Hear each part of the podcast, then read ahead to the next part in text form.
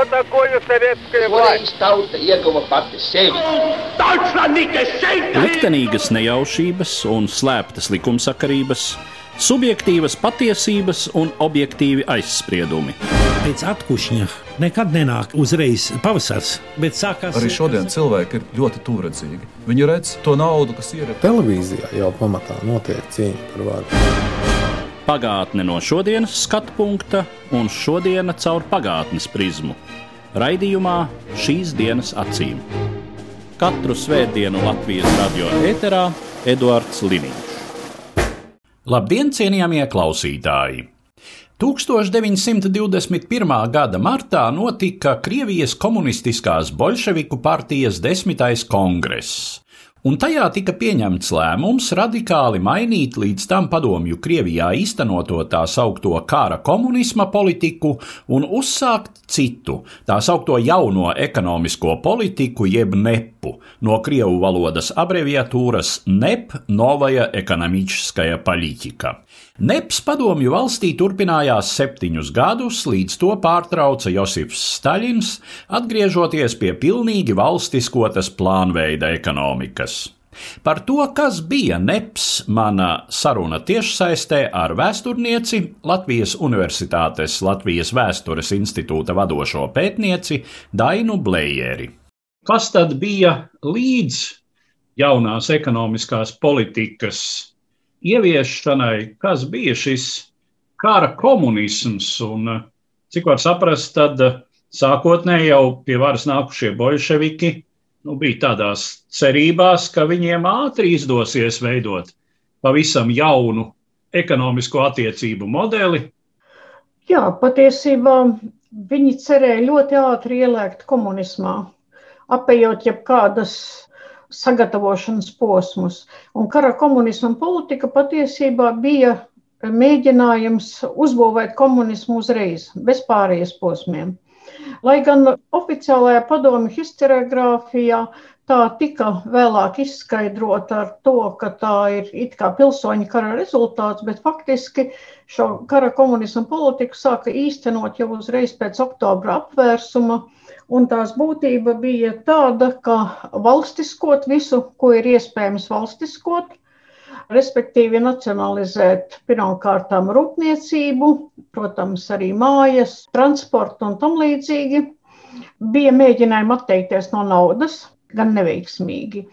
Tika aizliegta jebkāda privātā tirzniecība, Un galu galā tas viss noveda pie tā, ka uz 1920. gadu Padomju Krievijas ekonomika bija nonākusi absolūtā strupceļā.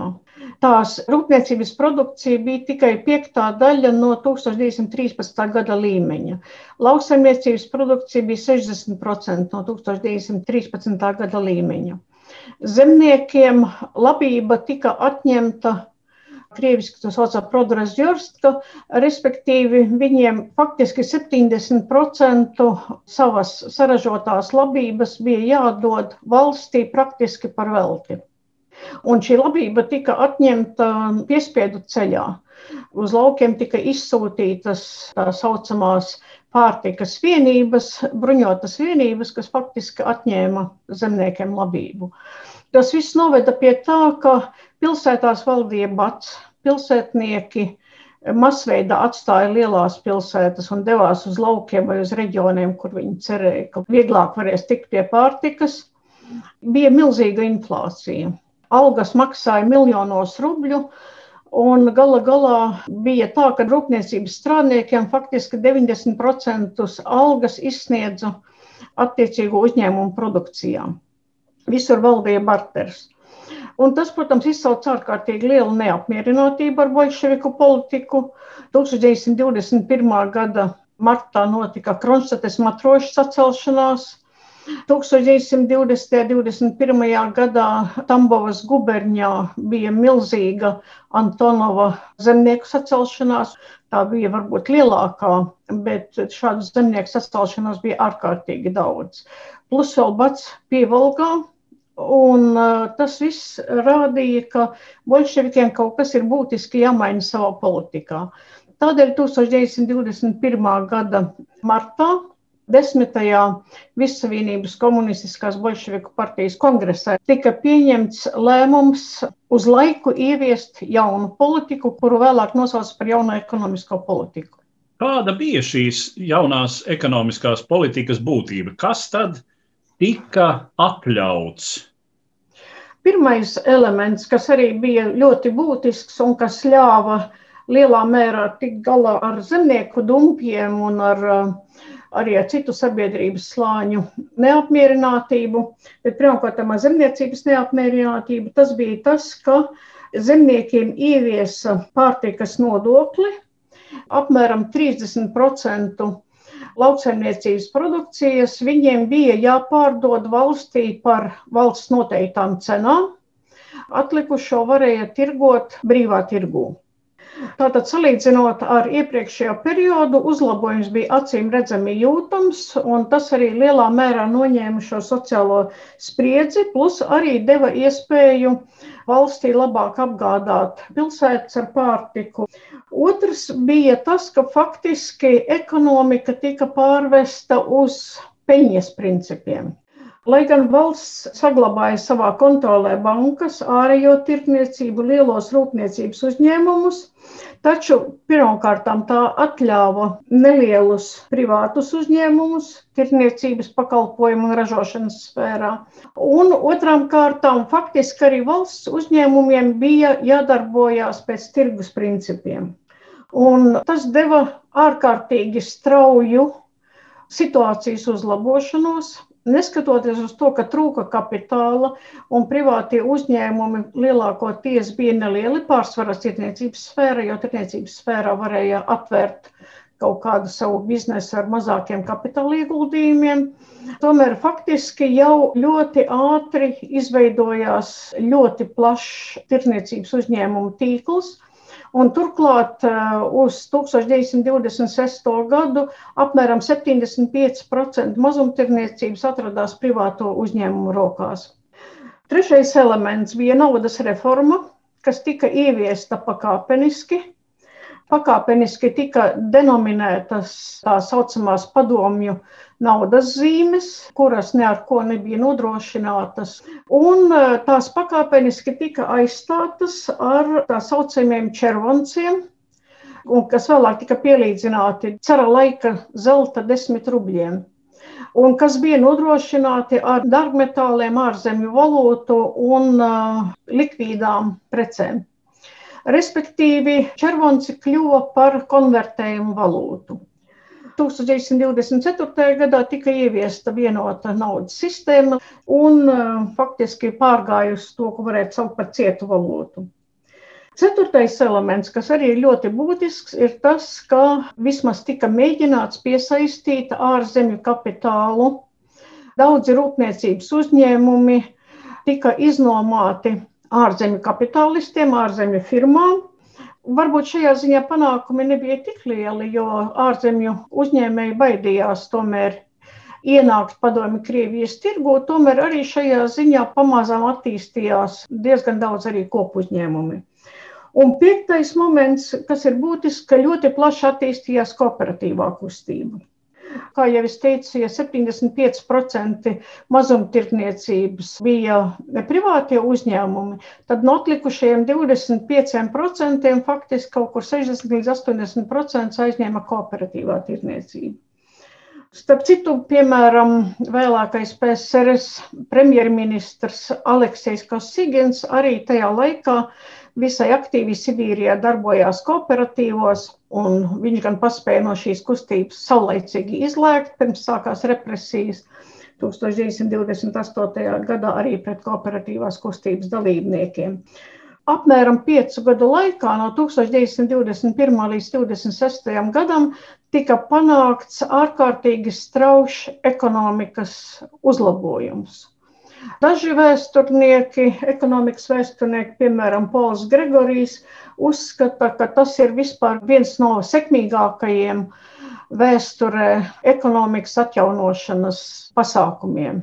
Un, protams, uzreiz to acīm redzami cilvēki sajūta. Parādījās preces, parādījās veikali, parādījās restorāni, kafejnīcas, cenas kritās, cilvēku ienākumi pieauga. Tā kā labums bija acīm redzams. Neskatoties uz to, var teikt, ka attieksme pret nepa politiku, kā bolševiku aprindās un bolševiku vadības aprindās, tā arī sabiedrībā visumā bija nu, tāda bieži vien ļoti negatīva. Tas ir nākamais jautājums, ko es gribēju uzdot. Kāda bija attieksme, teiksim, bolševiku partijas vidē, nu un vispār jā, sabiedrībā pret šo politiku un kāpēc? Jā, ekonomiskie un līdz ar to arī ieguvumi sabiedrības labklājībai bija nepārprotami. Pirmkārt, jau bolševiki uzskatīja, ka tā ir atkāpšanās, atkāpšanās no principiem, un tāda pārliecība valdīja arī bolševiku partijas vadības vidū. No vienas puses, Ļeņins, kas faktiski bija šīs politikas iniciators, Viņam nācās, stipri ilgi nācās pārliecināt savus līdzbiedrus, un viņam nācās pastāvīgi šo politiku aizstāvēt. No vienas puses, viņš pietiekami skaidri teica, ka tā ir atkāpšanās uz laiku, ka tā nozīmē, protams, tādu kapitālismu atzimšanu, bet ka citas izējas nav. No otras puses, viņš apgalvoja, ka šī politika ir, kā teikt, uz ilgu laiku un ka tā ir nopietna politika. Un šeit arī bija tā pretruna, kas bija no pašas nepapolitikas ieviešanas sākuma. Jā, pakāpeniska politika un politika uz laiku. Jautājums, cik ilgi šis pārējais periods turpināsies. Un šajā ziņā bija diezgan lielas domstarpības. Turklāt vairākums gan bolševiku partijas vadītāji, gan arī, teiksim, ierindas biedru tie, kurus varētu saukt par tādiem bolševikiem, ideālistiem, bolševikiem, ekstrēmistiem, tie bija par to, ka jo ātrāk šo politiku izbeigs, jo labāk. Ka tā ir atteikšanās no partijas principiem, ka tā arī var būt kaitīga partijai, jo bolševiki var tikt iesaistīti visā šajā komercdarbībā. Bija viena daļa, tā saucamie labējie, Buharins, Rikovs Tomskis, kuri uzskatīja, ka šī politika ir jāpiekop tik ilgi, kamēr tiks radīti priekšnoteikumi valsts industrializācijai, kamēr tiks uzkrāts pietiekams kapitāls. Bet tajā pašā laikā, piemēram, Trotskis un daudzi viņa sekotāji un vispār kreisi noskaņotie komunisti uzskatīja, ka šī politika nav vēlama un ka tāpēc iespējas ātrāk jāizbeidz. Diskusija centrā faktiski bija jautājums par attieksmi pret zemniecību. Bolševiki pieturējās pie tādas Marksa tēzes par to, ka, lai veiktu industrializāciju, ir nepieciešams uzkrāt kapitālu. Tā saucamā sākotnējā kapitāla uzkrāšana.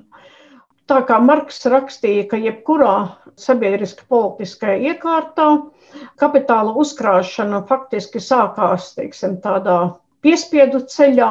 Tad eh, bolševiki uzskatīja, nu, tātad jautājums, no kā tad bolševiki var atņemt šo kapitālu piespiedu ceļā. Nu, un galvenais objekts izrādījās zemniecība. Tātad jautājums bija pirmkārtām par to, kā no zemniecības iegūt pēc iespējas vairāk pārtikas produktu, kurus tad varētu izmantot gan pilsētu apgādei, gan teiksim, ārējai tirdzniecībai, lai sagādātu kapitālu industrializācijai ar iespējamiem mazākiem valsts izdevumiem. Tādēļ Trotskis izvirzīja tēzi par tā saucamajām produktu šķērēm, respektīvi, ka no zemniekiem jāiepērk produkcija par iespējami mazāko cenu, bet preces, kas zemniekiem ir nepieciešamas, tās ir jāpārdod viņiem par iespējami augstāko cenu.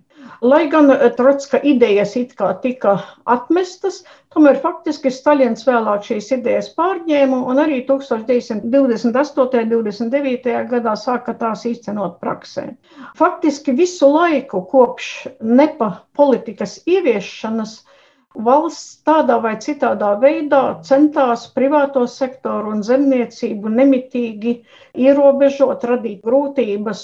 Dažkārt, protams, nācās atkāpties atsevišķos jautājumos, tāpēc, ka ekonomiski to nevarēja atļauties, bet pastāvīgi visu laiku bija tāda sajūta, ka šī politika patiešām nav uz mūžīgiem laikiem un ka privātais sektors nav vēlams.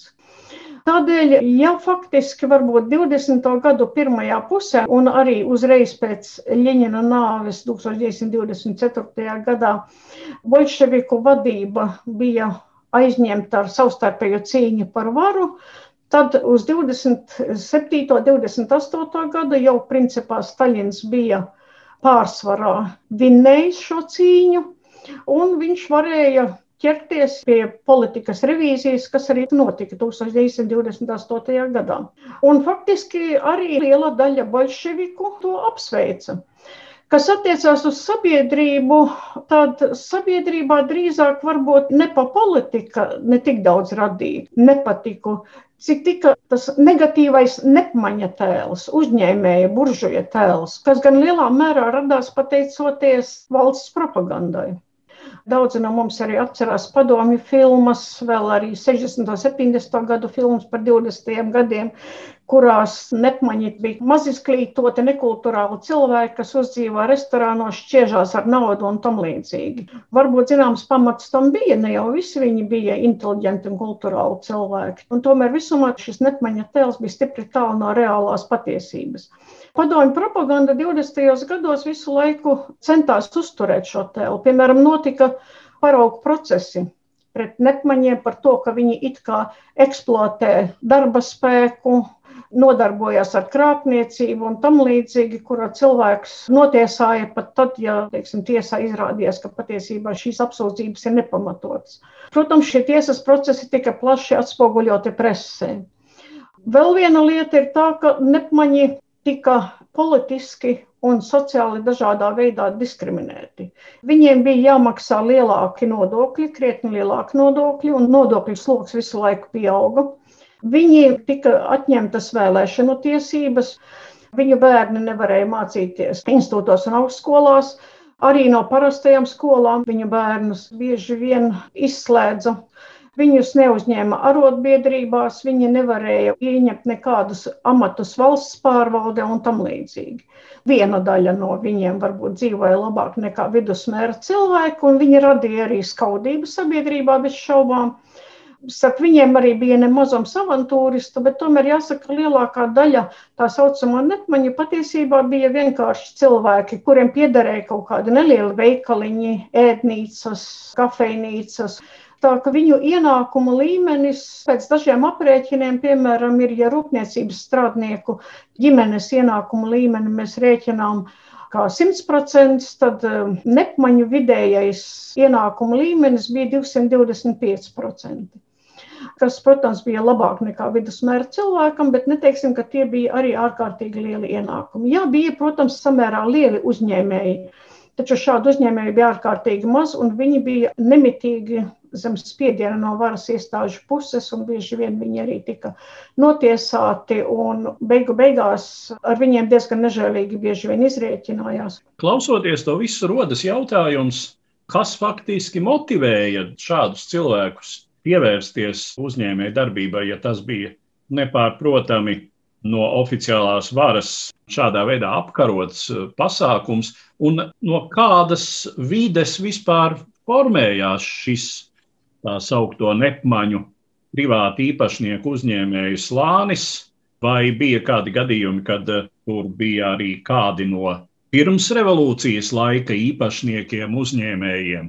Lai gan padomju propaganda apgalvoja, ka tā ir pirmsrevolūcijas buržāzijas atzimšana, tas gluži neatbilda īstenībai. Jā, bija starp nepmaņiem arī pirmsrevolūcijas tirgotāji un uzņēmēji, taču faktiski tādu bija ļoti maz.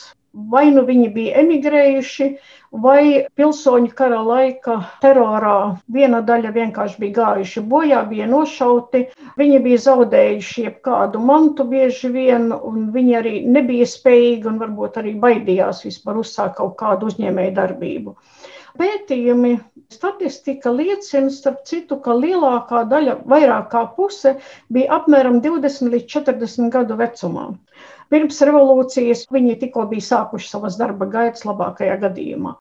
Tie bija cilvēki, kas bija strādājuši tirniecības uzņēmumos, tātad, kuriem bija kaut kāda tirniecības pieredze, kuri bija strādājuši rūpniecības uzņēmumos kā kalpotāji, un kuriem arī bija kaut kāda pieredze. Tie bieži vien bija arī vienkārši sarkanarmieši, kas bija demobilizējušies un nevarēja atrast darbu. Tās bija mājasaimnieces un vispār cilvēki, kas gribēja kaut kādā veidā uzlabot savus un savas ģimenes dzīves apstākļus un uzsākt kaut kādu, bieži vien visai nelielu biznesu kā viņi jutās, un vai viņi uzskatīja, ka tas nebūs uz ilgu laiku, vai tomēr viņi cerēja uz kaut kādu stabilitāti. Šajā ziņā ir diezgan pretrunīga informācija. Jo atsevišķās vietās tā situācija mēdz būt visai dažāda. Viņi jau nezināja šis pagaidām, uz cik ilgu laiku tas ir vai šis pagaidām būs daži gadi, kā tas izrādījās faktiski septiņi gadi tikai, vai arī šis pagaidām varbūt vēl ilgi, teiksim, 20 vai 30 gadus. Un bez tam arī beigu beigās, kopš 1917. gada, tik daudz laika nebija pagājis. Cilvēkiem vēl uzņēmības gars un tāda prasme nodarboties ar privāto biznesu, viņa nekur nebija pazudusi. Bija ļoti daudzi cilvēki, kas bija gatavi vienkārši kaut ko uzsākt, vēl jau vairāk tāpēc, ka ekonomiskā situācija bija vienkārši briesmīga un cilvēki beig beigās nu, kaut kā savas ģimenes bija jāuztur. Un tas arī bija veids, teiksim, atverot veikaliņu vai ēdnīcu vai tam līdzīgi, nu kaut kādā veidā mēģināt uzturēt sevi. Praktiski visa plaša patēriņa preču ražošana, arī pārtikas preču ražošana un tam līdzīgi tā faktiski arī bija nepaņa rokās. Cīki konditorijas uzņēmumi, maizes ceptuves, apģērbu ražošana, apavu ražošana un tam līdzīgi. Bija ļoti daudz amatnieki, kas nebija zaudējuši savas prasmes. Protams, tas, ka Nepmaņi visu laiku atradās zem tāda milzīga valsts spiediena, un ka viņu tiesības bija ārkārtīgi ierobežotas, protams, lika viņiem mēģināt arī meklēt risinājumus, kā viņi tomēr varētu aizstāvēt savas tiesības un veicināt savu biznesa attīstību. Viena lieta, kas nepmaņiem tika nemitīgi pārmesta, bija tā, ka viņi veicina korupciju. Patiešām viena daļa valsts aparāta izrādījās ļoti pakļauta korupcijai, un bieži vien bija tā, ka praktiski neko arī nepmaņi nevarēja panākt, ja viņi nedeva kukuļus. Bankas nedeva kredītus, ierēģi traucēja uzņēmumu reģistrācijai. Nodokļu inspekcija arī bieži vien citādāk viņa nevarēja sarunāt. Tajā pašā laikā atsevišķi pētījumi liecina, ka tas varbūt ne visos reģionos tā arī bija. Tas varbūt vairāk bija lielajās pilsētās un Padomju Savienības Eiropas daļām. Bet kaut kur Sibīrijā šajā ziņā privātu uzņēmēji var attīstīties sekmīgāk, kaut vai tādēļ, ka valsts aparāts patiesībā bija tur ārkārtīgi vājš joprojām. Viņi izveidoja dažāda veida tirdzniecības apvienības, savā veidā kooperatīvus, lai sekmētu savas intereses un arī, lai viņi varētu savā ziņā kolektīvi runāt ar valsts iestādēm. Piemēram, Altajā Nepmaņiem uzbūvēja skolu, saviem bērniem, kurā pasniedz arī komerczenības, tā iemesla dēļ, ka viņu bērnus neņēma parastajās skolās. Un šī skola kļuva ārkārtīgi populāra tieši tā iemesla dēļ, ka tur pasniedza komerczenības. Bet, piemēram, šādi pat mēģinājumi veidot savas skolas citos reģionos, tiem varas iestādes pretojās. Savstarpējā kredīta biedrības sāka organizēt un bija pat ideja par centrālās savstarpējā kredīta bankas izveidošanu. Krievija bija liela, resursi bija pietiekami plaši, neapmierinātais pieprasījums pēc precēm un pakalpojumiem bija ārkārtīgi liels, un tādēļ arī pavērās ļoti plašas iespējas. Kā tad neps noslēdzās un kas notika ar šiem nepmaņiem? Jā, un kādu iespēju tas atstāja uz tālāko Padomju Savienības attīstību? Iznīcināšana sākās faktiski ar zemniecību, 1927. gadā obligātais labības iepirkums no zemniecības bija par 12% mazāks nekā iepriekšējā sezonā. Faktiski šo labības krīzi faktiski bija izprovocējusi pati valdība. Gadu no gada valsts iepirkuma cenas tika samazinātas. Un tās iepirkuma cenas, kas tika noteiktas 1927. gadā, tās bija tik zemas, ka tās vairs nesedza labības ražošanas izmaksas. Turklāt par citiem produktiem, ko valsts arī iepirka obligātā iepirkumā, cenas bija daudz izdevīgākas, tā ka zemniekiem bija izdevīgāk labību izbarot lopiem un pārdot šos produktus valstī, nevis pārdot valstī labību. Taču valdības izprovocētā labības krīze faktiski tika izmantota kā iemesls, lai iznīcinātu jauno ekonomisko politiku principā. Uz laukiem tika atkal nosūtīts pārtikas vienības, zemniekiem tika atņemta labība, Šī politika attīstījās pakāpeniski, faktiski no 1929. līdz 1931. gada pavasarim faktiski tika pieņemti vairāki lēmumi, kura rezultātā īstenoja vispārēju lauksaimniecības kolektivizāciju un kulaku kā šķiras iznīcināšanu. Pēc tam jāsaprot, ka kulaku kā šķiras iznīcināšana tas tika saprasta visai burtiski, ja, tātad arī fizisku iznīcināšanu. Ar kolektivizāciju tika radīts instruments, kā no zemniecības izsūkt visu pēdējo valstī, maksājot minimāli par to. Nākošais solis bija tas, ka faktiski jau kopš 1926. gada sāka diezgan jūtami ierobežot privāto uzņēmējdarbību, gan palielinot nodokļu slogu, un šis nodokļu sloks varēja sasniegt, teiksim, 78% no ienākumiem privātajiem tirgotājiem vai uzņēmējiem, gan arī ar tīri represīviem pasākumiem, līdz pat nošaušanai, arestiem un tam līdzīgi. Un gala rezultātā faktiski līdz 1930. gadam privātā uzņēmēja darbība, tirniecībā, rūpniecībā un tam līdzīgi praktiski tika iznīcināta. Un 1931. gadā vispār privātā tirniecība visā padomju savienībā oficiāli tika aizliegta. Tas, protams, nenozīmē, ka privātā uzņēmēja darbība kaut kur pavisam pazuda. Valsts spējas nodrošināt teiksim, elementāros pakalpojumus un preces bija ārkārtīgi zema, un patiešām 30. gadu sākums padomju ekonomikai savā ziņā varbūt ir pat nemazāk drūms, kā tas bija pilsoņu kara laikā un kara komunismu politikas laikā kad patiešām cilvēki pilsētās badojās un cieta visi, arī rūpniecības strādnieki, kas bija tāda privileģētākais slānis. Izņemot nomenklatūru, visiem pārējiem patiesībā bija ārkārtīgi grūti.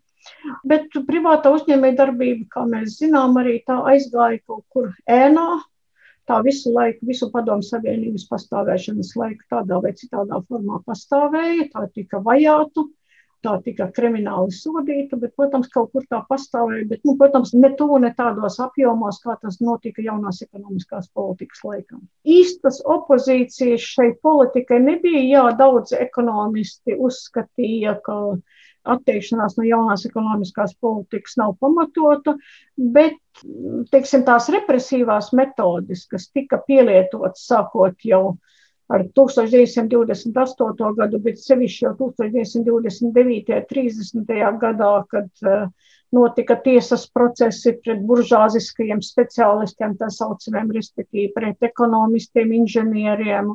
Faktiski tas neļāva cilvēkiem vienkārši protestēt. Un arī partijas aprindās uz 30. gadu sākumu vairs īsti nebija, kas nopietni varētu pretoties Staļinam. Staļina viedoklis bija vienīgais, Visi, kas šim viedoklim nepiekrita, vai pat atļāvās vienkārši par to šaubīties, tos gaidīja bēdīgs liktenis.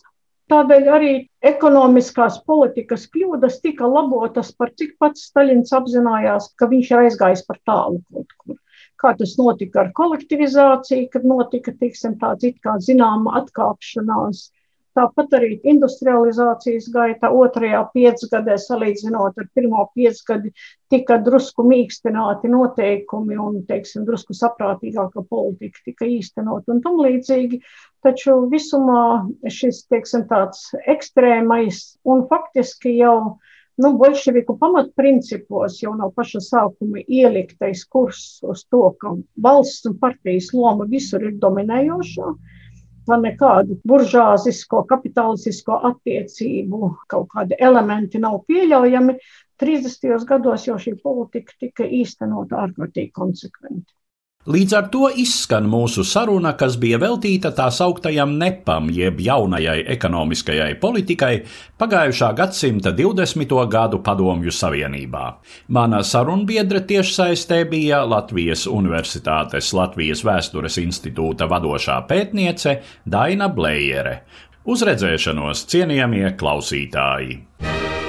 Katru svētdienu Latvijas radio viens par pagātni sarunājas Eduards Liniņš.